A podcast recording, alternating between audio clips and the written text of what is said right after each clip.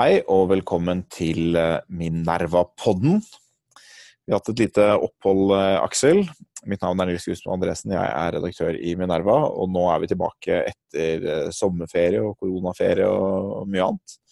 Med en Ja. ny utgave av Minerva-podden. Og nå, nå ser jeg rett inn i pannen din, Aksel. Ja, fordi vi er på Zoom. Vi er på Zoom. Det, det vil kanskje ikke lytterne se, men nå sitter vi på, på Zoom og har podkast. Det har vært en liten pause. Det har vært litt ganske rolig på koronafronten i, i mange uker. Mange måneder, egentlig. Eh, og vi har ikke snakket om det her på podkasten på, på noen måneder, men eh, nå er det blitt litt liv og røre igjen, og det, det skal vi snakke om litt, eh, litt i dag. Og så skal vi ta en liten tur innom Nicolai Tangen-saken, som er den store hete poteten på, på Stortinget for tiden. Jeg tenkte å begynne med, med virus, Aksel. Nå, nå har det ligget nede lenge, men nå er det på vei opp. Hva tenker du om den situasjonen? Nei, det er jo opp fra et veldig, veldig lavt utgangspunkt, da. Så det er jo litt eh, Det er jo kanskje for tidlig å si noe akkurat om hvordan det vil utvikle seg eh, fremover, og hva som er liksom en, en riktig respons. Men det man jo ser, er jo en oppblomstring av dette i, i ulike lokale lommer. Og da blir jo liksom spørsmålet litt eh, hvor flinke man er til å, å, liksom, å slå ned på det i de, de lokale lommene, og sørge for at det liksom ikke nødvendigvis sprer seg videre. Og så er det jo også eh, snakk om liksom smitteimport, da, og hvor lurt det liksom var å, var å, var å åpne grensene eh, på nytt. Og så er det jo til syvende og sist liksom, det store spørsmålet er liksom om det er liksom er det, Vil vi liksom ha en ny nasjonal lockdown, liksom, for å forsøke å gjøre det samme som man liksom da eh, gjorde i vellykket da, i uh, april-mai. Så jeg vet ikke hva, hva du syns om det? Jeg synes Det er mange ting som er interessant. Altså det, noe av det vi ser, er at det er blitt eh, Etter en god stund hvor det har vært mindre snakk om det, så, så er det blitt eh, en ganske kraftig reaksjon hos mange på, på da de litt økende smittetallene. Eh, og vi så jo denne, Det var en kronikk av noen av disse legene som har vært eh, ment at man skal slå til veldig hardt, som var liksom veldig kritisk til, til den utviklingen og sier at nå er vi liksom i ferd med å miste kontrollen. Og som, som, du sa, så jeg mener at det er altfor tidlig å si. Vi vet ikke egentlig ennå hvor mye spredning det er. så Det er en del import, det er, det er noen enkelttilfeller av spredning. Men, men, om det innebærer at vi nå har et, en vedvarende, langvarig, rask spredning, det, det, er for tidlig å si. Da må vi vente noen uker og se om det faktisk har skjedd. Men, men det, det andre som er interessant, er at dette illustrerer på noen av de strategiske valgene som man, man må ta. Uh, og, og som, som, regjeringen må ta, men som i viss forstand også befolkningen uh, er med på å ta gjennom sin atferd. For, for, vi har jo snakket om det før, Aksel. Vi, vi, var jo positive til å slå hardt til i første gang, og det, det, var en helt annen situasjon enn den vi er i nå. Vi hadde lite kunnskap om, om viruset, vi hadde lite kunnskap om tiltakene, hvor effektive de ville være. Uh, og vi var i en situasjon der vi trengte å kjøpe tid også for å, for å ruste helsetjenesten og liksom en del andre sånne ting. Nå har vi en, en, litt annen situasjon der vi, har, vi er bedre forberedt på å håndtere dette i helsevesenet. Vi har bedre, noe bedre behandlingsmuligheter. Vi vet mye mer om hvordan tiltak virker, så vi kan innrette tiltak på hvert fall å hindre, hindre den verste, den aller raskeste spredningen. Samtidig som vi, vi nå er i den situasjonen at vi vi kan ikke, vi kan ikke drive og ha lockdowns liksom hver tredje eller hver fjerde måned i lang, lang tid. Det er, det er ikke mulig. Og så vet vi ennå ikke når en effektiv vaksine kommer. Kanskje kommer det litt før pessimistene fryktet, men, men det er for tidlig å si. Uh, og jeg tenker jo at uh, vi bør fortsatt ha en del smitteverntiltak, uh, liksom også utover håndvask og, og sånn. og vi, Det har vi. Vi har noen restriksjoner på hvor mange mennesker som kan møtes i ulike sammenhenger. og, og sånn, Som kan være fornuftig en stund til, eller kanskje ganske lenge, for det kostnaden med det er ikke, er ikke så stor. Men vi kan ikke ha eh, tiltak som vi ikke kan forsvare etter en slags vanlig eh, måte å tenke om tiltak på. En slags kost-nytte-analyse. Vi kan ikke ha det over veldig lang tid. Og Det ser man jo også, Regjeringen har fått kritikk for å åpne grensene, men man må huske på da når man sier det, så må man prøve å tenke gjennom hva alternativet er. Altså Mener man da at vi skal ha så stengte grenser som vi hadde i, april og mai, eh, i, i, potensielt da i flere år? Og, hva slags omkostninger har det? Eh, og jeg en del av meg i hvert fall håper jo for, eller jeg håper fortsatt på at det skal være mulig å holde dette veldig lavt. Men det må da på en måte skje gjennom at vi klarer å ha over tid omtrent den samme disiplinen i befolkningen som vi hadde i juni. Det er ikke noen endringer i tiltakene av vesentlig grad mellom juni og, nå. Så, så lenge vi har så lenge vi oppfører oss som i juni, så vil selv litt import vil jo ikke være så forferdelig farlig, fordi det er så lite innenlandssmitte at den vil, vil, egentlig dø ut. Og da kan vi, liksom, Et best case scenario vil jo være at vi sier om et, eh, et års tid så kommer en vaksine, eh, hvis vi er heldige. Eh, og så har det vært litt smitte, det har gått litt opp og det har gått litt ned. Og hver gang det går opp, så blir befolkningen litt uh, påminnet om at man er forsiktig. Så tar man seg litt sammen, og så ender vi opp med liksom, ja, hva skal man si, 700 døde og 800 døde. Og en liten periode hvor det er, er en del innlagte på sykehus og sånn, men at det i hovedsak får et veldig rolig forløp, og så kommer det en vaksine, og så blir det liksom den veien vi tar ut av det. Det er en veldig liksom, optimistisk scenario ut fra Eh, ut fra forutsetningen at vi ikke kan gjøre veldig mye på tiltakssiden. Mens et mer pessimistisk scenario vil jo være at vi ikke gjør så mye på tiltakssiden, og om ett års tid så har vi kanskje 5000 døde, og så og nedside selvfølgelig ved den eh, ved det, utover de 5000 døde, da, det innebærer jo nesten at vi da taper landskampen mot Sverige. Det vil være forsmedelig eh, for mange, mange nordmenn. Men det må vi huske på også, at det er, det er også en slags annen trade-off her. at det er Eh, i fravær av en vaksine så må vi jo være da innstilt på at det kan vare over veldig lang tid hvis det går så langsomt.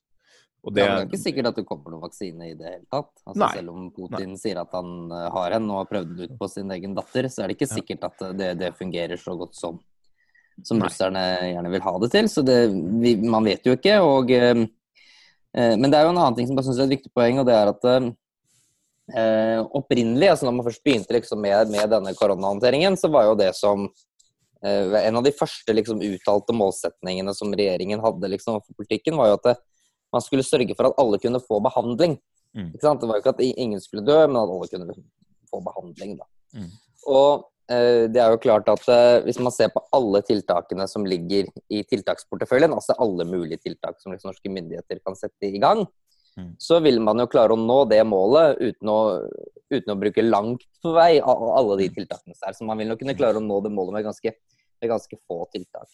Mm. Og Det er jo liksom det store spørsmålet. ikke sant? Skal man da, siden vi nå vet at tiltakene fungerer mye bedre enn det vi opprinnelig trodde, skal vi nå redefinere målet som liksom bare et, et mer ambisiøst mål, da, som handler om å, å holde dette ute for, for alltid. da, ikke sant? Altså Det er jo det man egentlig som da blir den nye sånn strategiske eh, avveiningen. Og jeg vil nok kanskje mene at eh, argumentene for å gjøre det egentlig ikke er så veldig, veldig gode. Fordi at eh, de eh, virker som man liksom bare da skyver problemet frem i tid til på, på, på ubestemt tid. da, Man skyver problemet på ubestemt tid, og man hele tiden kommer tilbake til at man måtte ha ny lockdown eventuelt om to-tre måneder. Skaper en ekstrem usikkerhet for he hele samfunnet, egentlig. Det, det skjedde... eh, men, men, det man kan gjøre, er jo å ha eh, ganske sånne veldig lokale lockdowns. Og det trenger ikke nødvendigvis å være så dumt. Altså, Nei, det er jo det de gjør i liksom Indre Østfold veldig... Eh, nå. Og, og det, det, tror jeg nok er en ganske farbar vei.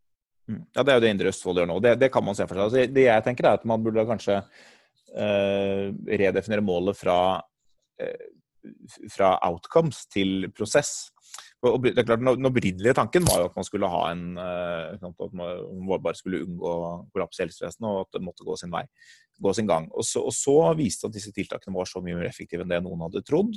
Og man, man, begynte å tenke seg at det var en farbar og realistisk strategi å holde det nede fordi kostnadene med tiltakene ikke trengte å være så stor. Dette er i forbindelse med den danske sjefen for Statens serum, Kåre Møllebakk. At man kan danse seg frem til en vaksine. Tiltakene er ikke så kostbare. Og Sånn så det jo delvis ut i Norge også i, eh, gjennom juni spesielt. Og man kan godt se for seg at det kan fortsette. Altså, hvis det er sånn at kostnadene og tiltakene er lav, da er det jo ingen, det er ingen grunn til å, å liksom Da kan vi jo holde det lavt, da. Det er jo fint. Men hvis den disiplinen blir borte, da mener jeg at man kanskje burde tydeliggjøre litt at vi, vi kan ikke eh, vi kan ikke iverksette veldig mye mer kostbare tiltak eh, på, liksom, på gjentagende basis. Og det, det, det, narrativet som er nå, liksom, eller den diskusjonen som går i politikken som liksom, Regjeringen må ikke skylde på, på, ulike grupper. Jeg opplever ikke at regjeringen har gjort det, men det er, liksom, det er blitt en, en sånn linje fra, fra, Arbeiderpartiet. og det, det, kan ikke være et individuelt ansvar. Staten må ta ansvar. Men jeg mener litt at noe av statens ansvar her er kanskje å si at dette er de tiltakene vi har, og, og basert på det så vil befolkningens atferd bestemme hva som blir utfallet. Det er jo mange ulike utfall. Det er klart at Hvis, hvis det skulle komme helt ut av kontroll og, og true liksom, kapasiteten i helsevesenet, så vil man igjen måtte iverksette flere tiltak. Men, men liksom, med den banen vi har nå, så er det enten så blir det en viss økning, eller så blir det ikke en viss økning. Og det er eh, opp til folket. Et, et, sant folkestyre, kan man si, i denne saken. Men du Aksel, jeg tenkte vi skulle gå litt videre eh, fra korona til Tangen-saken. Det har vært ja. en spennende utvikling eh, denne uken. Han har jo også ansvaret for koronas, egentlig, eh, Norges Bank. Ja. Mm. ja, ja. Så det er jo egentlig koronaspesial, dette òg. Ja. ja, det er jo fiffig lite ordspill der, eh, Aksel. Ja, ja, ja. Det er en liten bonus for lytterne, det, som fikk, fikk med seg det helt, helt, gratis. Vi sier helt gratis, Aksel, og det er det jo, men, men det er mulig å tegne abonnement på Minerva. Bare nevne det. Så det anbefaler alle å gjøre det. Et ordspill av den sorten er jo ofte verdt en 600-700 kroner. Det er det. Hvis du liksom følte det, så kan du tegne på et årsabonnement til den prisen. Mm, det er det. Men du, denne uken har vi sett uh, høring i Stortinget med Julie Bråttkorp, leder for representantskap for Norges Bank, og sentralbanksjef Øystein Olsen. Hva er din take på dette? Hva er det vi har å gjøre med Nei, Jeg har allerede skrevet om det, og jeg skal skrive litt flere saker om det også, etter hvert som mine egne undersøkelser skrider frem. Men eh, jeg er ganske forbløffet over den, over den høringen. Mm. Eh, fordi det, i hvert fall for meg, fremstår som om eh, Bråttkorp kommer med veldig mange påstander som hun Det er vanskelig å se at hun har eh, forankret i det representantskapet hun leder. Og det er også vanskelig å se at det er riktig, da. Altså hun sier jo, altså hun tar selvfølgelig hun tar jo et forbehold, er ikke sitere helt korrekt, men forbeholdet er i hvert fall at det, hvis eh, Norges Banks hovedstyre ikke har informert Finansdepartementet om at Tangen skal beholde noen eierposisjoner i dette Aker-systemet, så er det da et brudd på informasjonsplikten. Mm, som også er eh, nedfelt i sentralbankloven. Så det er brudd på sentralbankloven. Mm. Så det er brudd på sentralbankloven. Og eh, det virker det ikke som om alle i det representantskapet som hun leder, er enig i. Det har jo allerede vært skrevet noen innlegg som om man klarer at enkeltmedlemmer ikke kan stå inne for det. Og det er jo heller ikke en del av det brevet som hun har sendt til til Stortinget, selv om Bråttkorp sier at det står i brevet i denne høringen. Men alle kan jo hvem som helst gå og lese det brevet og se at det, det, ikke, står der. ikke, står der. Mm. Eh, og eh, som også eh, benektes av Finansdepartementet, for Finansdepartementet er jo de som etter sentralbanksloven er, er mottakere av informasjon fra Norges Bank. Og hvis Finansdepartementet selv ikke føler at den informasjonen de har fått fra Norges Bank er utilstrekkelig, så er det veldig rart at representantskapet skal ha en en, en, oppfatning av at Finansdepartementet har et større informasjonsbehov enn det Finansdepartementet selv sier at de, de, har. Du skriver også i din sak, eh, eh, du refererer en, en jusprofessor som også eh, sier at etter loven og dens forarbeider så fremstår dette egentlig som ganske urimelig. At dette skal være omfattet av informasjonsplikten. Så, ja, det gjør vi òg. Mm. Og så er det i tillegg en annen ting som jeg tenkte jeg skulle, skulle komme tilbake til litt uh, senere i dag. Jeg rekker å skrive den artikkelen, men det virker jo også som om Bråttkorp uh, i denne høringen sier at hun ikke ble informert om at Tangen skulle beholde disse eierposisjonene, at hun bare uh, lærte det når hun så det på pressekonferanse. Og Det ser også ut til å være feil. For Det er jo faktisk som en del av de vedleggene som hun selv har sendt inn til Stortinget, så står det at hun ble informert om dette i, en gang i løpet av april. Mm. Så det er, også, det, er også, det er, også, veldig rart å, å sende inn et brev fra man, som vedlegg da, til Stortinget som er adressert til en selv, hvor det står at man er informert, og så sitte i en høring og så si at man ikke er informert. Mm. Så det, virker som hun har, eh, har, har, litt, har, litt, sitt eget show, da. Og det syns jeg er, er, er, veldig rart. Og det er jo på sett og vis også ganske alvorlig, fordi det at det eh, det rokker jo litt ved tilliten til disse kontrollinstitusjonene rundt Norges Bank, som er en, som er en veldig viktig institusjon. Mm. Eh, og skal man, skal altså, man ta alt det Brodtkorp sier på alvor, som man kanskje ikke burde, så vil det mm. også kunne få veldig alvorlige konsekvenser. Ja, og Det har jo vært en åpenbar eh, kollisjonskurs mellom representantskapet og hovedstyret i Norges Bank da egentlig siden april, hvor denne forutsetningen, eller tidlig i mai, hvor, hvor representantskapet kom med liksom denne forventningen om at alle interessekonflikter skulle elimineres. Det var det ordet de brukte. Risikoen for interessekonflikter skulle elimineres. Og det er et ord som jeg tror hovedstyret aldri ville De ville aldri valgt en sånn formulering. Vi ikke brukt de ordene, for å si det som Erna. Eh, og for, fordi for dem så er risiko for interessekonflikter er vil alltid kunne være der. Og det å si at du har eliminert det, er, naivt, og da har du egentlig ikke gjort jobben din. fordi eh, poenget er å ha systemer som gjør at du kan håndtere eh, interessekonflikter hvis de oppstår. Eh, og selvfølgelig minimere, minimere omfanget av dem på forhånd. Så for, for, hovedstyret så har målet med avtalen vært å minimere interessekonfliktene og være sikker på at der hvor de oppstår, så har man gode systemer for å håndtere dem, sånn at de ikke påvirker yrkesutøvelsen til, Mm. til, til uh, oljefondssjefen Nicolai Tangen, eller noen andre. Uh, så der har jeg liksom hatt en sånn fundamentalt ulik virkelighetsoppfatning som var, liksom, var, nødt til å krasje. Og så inn i dette så, så er jo det sentrale elementet både for interessekonflikten og for, for, de øvrige momentene i saken, er jo da eierposten i AKO-systemet. Som Norges Bank nok har tenkt hele tiden at det er et helt, sånn, helt urealistisk og urimelig krav at Tangen skal selge livsverket for en stilling som han man ikke vet hvor lenge han får beholde. Sånn, nå kan det se ut som han ikke, ikke får beholde den så veldig lenge i det hele tatt. og så Han må selge seg ut antagelig med et milliardtap, for det er ikke en post du kan omsette til markedspris. og så Det er livsverket hans, og det har de nok aldri vurdert som liksom et realistisk krav.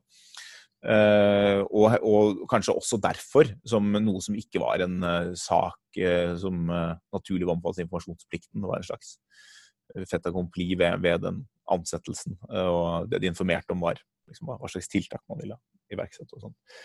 Uh, så de har hatt helt ulik interessekonflikt, og så, nei, helt ulikt virkelighetssyn. Og så kommer dette da til, til, en konflikt som går til Stortinget. Jeg er ikke så sikker på at det var så veldig klokt å, å ta dette til Stortinget. fordi det som skjer nå, som, er, som bekymrer meg litt, er at det, uh, dette er jo nå liksom en institusjonell krise. fordi Representantskapet er jo Stortingets kontrollorgan for Norges Bank, men Stortinget har ikke noen eh, direkte makt over Norges Bank, eller over hovedstyret, eller over sentralbanksjefen, eller eh, ansettelsen av Nicolai Tangen. Så man kan på en måte bli sittende det, det, virker som representantskapet, i hvert fall lederen der, eh, legger opp til, er jo på at Stortinget skal miste tilliten til Eh, Øystein Olsen og Nicolai Tangen, i hvert fall en av dem, og dermed også begge to. Eh, Øystein Olsen har jo på en måte nå lagt all sin prestisje i den ansettelsen. Og da kan vi sitte i den situasjonen at Stortinget i hvert fall uttrykker en form for manglende tillit til, til den ansettelsen, og implisitt dermed, eller eksplisitt til og med kanskje, til sentralbanksjefen, uten at det direkte får noen konsekvens. Og da er alle utfall veldig uheldige, fordi Eh, hva kan man se for seg da? Jo, man kan se for seg at sentralbanksjefen blir, blir sittende, og Tangen blir, blir sittende. Eh, og da måtte, styrer uten Stortingets tillit, da. på en måte. Det er jo en veldig uheldig situasjon. Den andre mulige situasjonen er at én eh, eller begge trekker seg. Jeg ville gjette på kanskje begge, fordi hvis Tangen må trekke seg, så er det en mistillit til, til Olsen også. Og, og, motsatt er det også nesten umulig. Og da får man den situasjonen at det man veldig lett kan karakterisere, med noen grad av rimelighet, som et politisk spill med noen grad av manglende faginnsikt, egentlig, på Stortinget, uh, i representantskapet på, Stortinget, uh, har ført til at en sentralbanksjef og uh, en oljefondssjef da går av, så vil det, det vil fremstå som en politisering av Norges Bank, som vi har strukket oss så langt for å, for å unngå, for å sikre sentralbankens uavhengighet.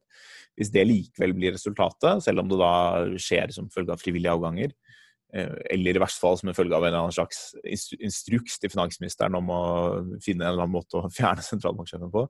Hvis det skulle skje, så vil det også være tror jeg, veldig alvorlig for bankens omdømme. Mm. Og, og det, så vi har, havnet, vi har havnet i en veldig vanskelig situasjon som jeg mener til mitt skjønn da er helt unødvendig. Jeg mener at Dette er en sak som det ikke var det var ikke naturlig å ta denne saken til Stortinget. Eh, det er greit at representantskapet, altså det er greit at det har vært noen uryddigheter i prosessen som representantskapet godt kan påpeke, eh, med hvem som kom når på mm. søkelisten og sånn, og gjerne ha noen kritiske merknader til avtaleverket, men, men jeg, jeg, ser ikke grunnlaget for å liksom, bruke kanonene på den måten som representantskapet, i hvert fall flertallet i representantskapet, har, har valgt å gjøre. da. Men det Stortinget kan gjøre, som kanskje ville vært ganske fornuftig, er å bare sende hele saken tilbake til representantskapet. Og be mm. representantskapet kanskje avklare det med, med hovedstyret. For det, det som man øh, jo er liksom det, det besynderlige her. Altså, som du sier, altså Stortinget har jo egentlig ikke noen reell makt der. Så det blir jo en sånn kamp juss mot politikk. ikke sant? Altså, Jussen sier at uh, Norges Bank har uh, fått delegert mandatet til å ansette en person, og de har ansatt en person etter det mandatet og følgelig gjort alt riktig. ikke sant? Så er det noen politiske grunner. og altså, også, Det er jo liksom noen ting liksom representantskapet peker på med ansettelsesprosessen Tangen som også kanskje er kritikkverdig. Ja, ja, ja, blant annet at de, at de ikke oppførte ham på søkelisten fort nok og sånn. ikke sant? Men nå vil jo da liksom politikerne si nei, denne prosessen liksom vil vi, vil vi til livs. Eller noen politikere vil jo si det. Spørs hva Stortinget til slutt kommer tilbake til. ikke sant? Men hvis, men hvis Stortinget skriver liksom noen eh, La oss si at Stortinget skriver noen merknader, da, ikke sant? sånn som de ofte gjør så kan det jo ende opp med at de eh, merknadene er litt uh, høyt og lavt, ikke sant. Altså de sier liksom ja, Norges Bank uavhengig sånn og sånn, men dette er veldig kritikkverdig slik og slik. ikke sant? Og Da blir det veldig vanskelig også for de andre aktørene å vite hvordan de skal forholde seg til det styringssignalet. Så Da mister jo også Stortinget kontroll på den prosessen. ikke sant? For det kan jo da være at ja vel, Jan Tore Sanner kan jo formelt ikke egentlig avsette Nicolai Tangen. Han kan kanskje forsøke å, å, å avsette Øystein Olsen. også Det ville vært vært veldig spesielt. Men så kan du også ende opp i den situasjonen der hvor disse personene trekker seg ikke sant, frivillig som en resultat av, av, denne kritikken. Og da ville det jo se ut som, i hvert fall for utenlandske investorer, som liksom eh, Stortinget nærmest dikterer liksom hva slags politikk og retningslinjer som Norges Bank skal ha, på en måte som er eh, ikke akkurat eh, egnet for å, å styrke tilliten da, til norske kroner. Så, så, ligger det jo under der også at Én ting er selve ansettelsesprosessen og disse potensielle interessekonfliktene knyttet til eierskap i AK-systemet. Det andre er jo Nicolai Tangens forhold til eh, såkalte skatteparadiser, som spesielt da, for, for, SV og noen andre av partiene på venstresiden eh, er et veldig smertefullt punkt. Det kan man for så vidt forstå. Eh, jeg skjønner at det er noe som noen del reagerer på, men, men, det er et helt annet spor som på en måte ikke har noen ting å gjøre egentlig med hvorvidt Tangen er egnet til jobben, eller hvorvidt prosessen har vært god eller riktig. Så Norges Bank insisterer jo på at Tangen kommer til å liksom, følge opp og styrke bankens arbeid med, med åpenhet om uh, skatt og den type jurisdiksjoner. Så det er liksom ikke, det er ikke noe som sier noe om hans kvalifikasjon, men det er noe med hans bakgrunn, hans person, som vekker anstøt. Det er på en måte på en slags forståelig grunn, men jeg vil si at det er en sånn det er jo en type, det er ikke et prinsipp som det er så lett å holde seg med. At du sier at en person skal ha en slags perfekt politisk vandel. Da. Eh, at det er, dette er jo en bransje, den type fond som, som Tangen har drevet, hvor et flertall av fondene er registrert i den type jurisdiksjoner av si, internt i bransjen forståelige årsaker. Kan man diskutere det selvfølgelig utad i samfunnet, men, men, internt i bransjen er det forståelige årsaker fordi det forenkler eh, ikke, ikke, fordi det for, gjør at det blir mye mindre skatt, men det forenkler skatteprosessen for investorer fra veldig mange ulike land. Eh, så det er en sånn eh, at han skal straffes for det i den forstand at da blir jobber han ikke får tilgang til. Det kan man selvfølgelig mene, men det er, det er ikke noe enkelt prinsipp. og Det er vanskelig å si hvordan det skal avgrenses. Og Hvis flere partier får sine ideologiske kjepphester på hva slags bakgrunn som er akseptabel for en ellers kvalifisert person, så får vi en sånn rotete eh, prosess da, når, eh, når, det gjelder hvordan vi skal bekle stillingen i det offentlige. Jeg, men, men, jeg tror nok det ligger litt under. Dette, dette, er en historie med veldig mange lag. Det var først denne konferansen i, i USA luksusturen med en privatjet, som var selvfølgelig veldig unorsk på et tidspunkt hvor Tangen etter eget utsagn i hvert fall ikke hadde tenkt på den jobben. Eh, og så kom skatteparadissaken, så kom eh, AK-eierskapet, så kom konflikten med representantskapet. Eh, så er liksom, det, er, mange lag i denne saken, og så masse røyk. Og så er spørsmålet hva er det egentlig så mye ild i denne saken at, at den hører hjemme Eh, i Stortinget, og i den grad det gjør det, hva bør Stortinget si? Nå kom det jo et, et leserinnlegg fra Hadia Tajik i dag, som et svar til Arne Strand, som hadde klaget på at ikke Arbeiderpartiet hadde liksom konkludert idet høringen var ferdig om at nå må, liksom, må man uttrykke mistillit. Eh, så det kan jo hende at Arbeiderpartiet har satt en liten fot på bremsen, og at det dermed ikke, ikke skjer noe mer. Det er jo på en måte det beste, sett fra mitt perspektiv, det beste utfallet i denne saken. Eh, og så får man se hvor det bærer, den som lever får se. Jeg tenkte også å skrive en liten sak om, om dette, som man kan da lese i, i helgen i ro og mak. Og I det minste så tror jeg i hvert fall at Stortinget burde i hvert fall vente på at eh, representantskapet klarer å bli enige om hva, med seg selv. Ja. Om, om, hvilken kritikk de vil fremme. Og, mm. at de også retter opp i eventuelle ting som de har feilinformert Stortinget om, i så Mm. fall, eller bakgrunnen for det, når de, når de var på høring. Men du Aksel, i dag skal vi være ganske flinke til å avslutte podkasten tidlig. Og, grunnen til det, Aksel, det er jo ikke egentlig at vi er blitt så veldig mye mer disiplinerte eller noe, noe sånn, men det er rett og slett at jeg sitter her og snakker på laptopen min uten ledning, og nå er, det, nå er vi snart tomme for batteri. Så da er vi rett og slett nødt til å, til å avslutte. Men før vi avslutter, eh, har du en hilsen til våre lyttere når det gjelder dette med Minerva og abonnement, Aksel? Ja, Hvis du orket å høre på alt dette, da er du definitivt i målgruppen for å ha Minerva-abonnement. Ja. Og det kan man vel nå tegne. Kan man tegne prøveabonnement, kan man ikke det for en Jo, det krone kan i man. to Ja, uker? ja, det helt Så riktig. da kan du få lese artikkelen også. Eh, og da er du så fornøyd etter prøveperioden, så blir det da automatisk fornyet. Og da kan du da velge om du vil ha årsabonnement eller månedsabonnement. Begge deler er jo veldig rimelig. God, god valuta for penger. Det kan jo, i, I tillegg til at det har verdi for, for leseren, så vil jeg også minne om at eh, det har en viss verdi for Minerva, siden uten disse abon abonnentene så vil jo vi eh, gå dukken, rett og slett, eh, Aksel. Så vi setter veldig stor pris på om noen velger å gjøre det, sånn at vi ikke går dukken. Fordi vår preferanse, alt annet likt, Keteris Barbus, det er jo ikke å gå dukken. Fortsatt drift. Ja. Fortsatt drift. Så med den, eh, med den, den målsettingen så går vi inn i helgen, Aksel. Takk for i dag. Jo, takk for praten. Hei.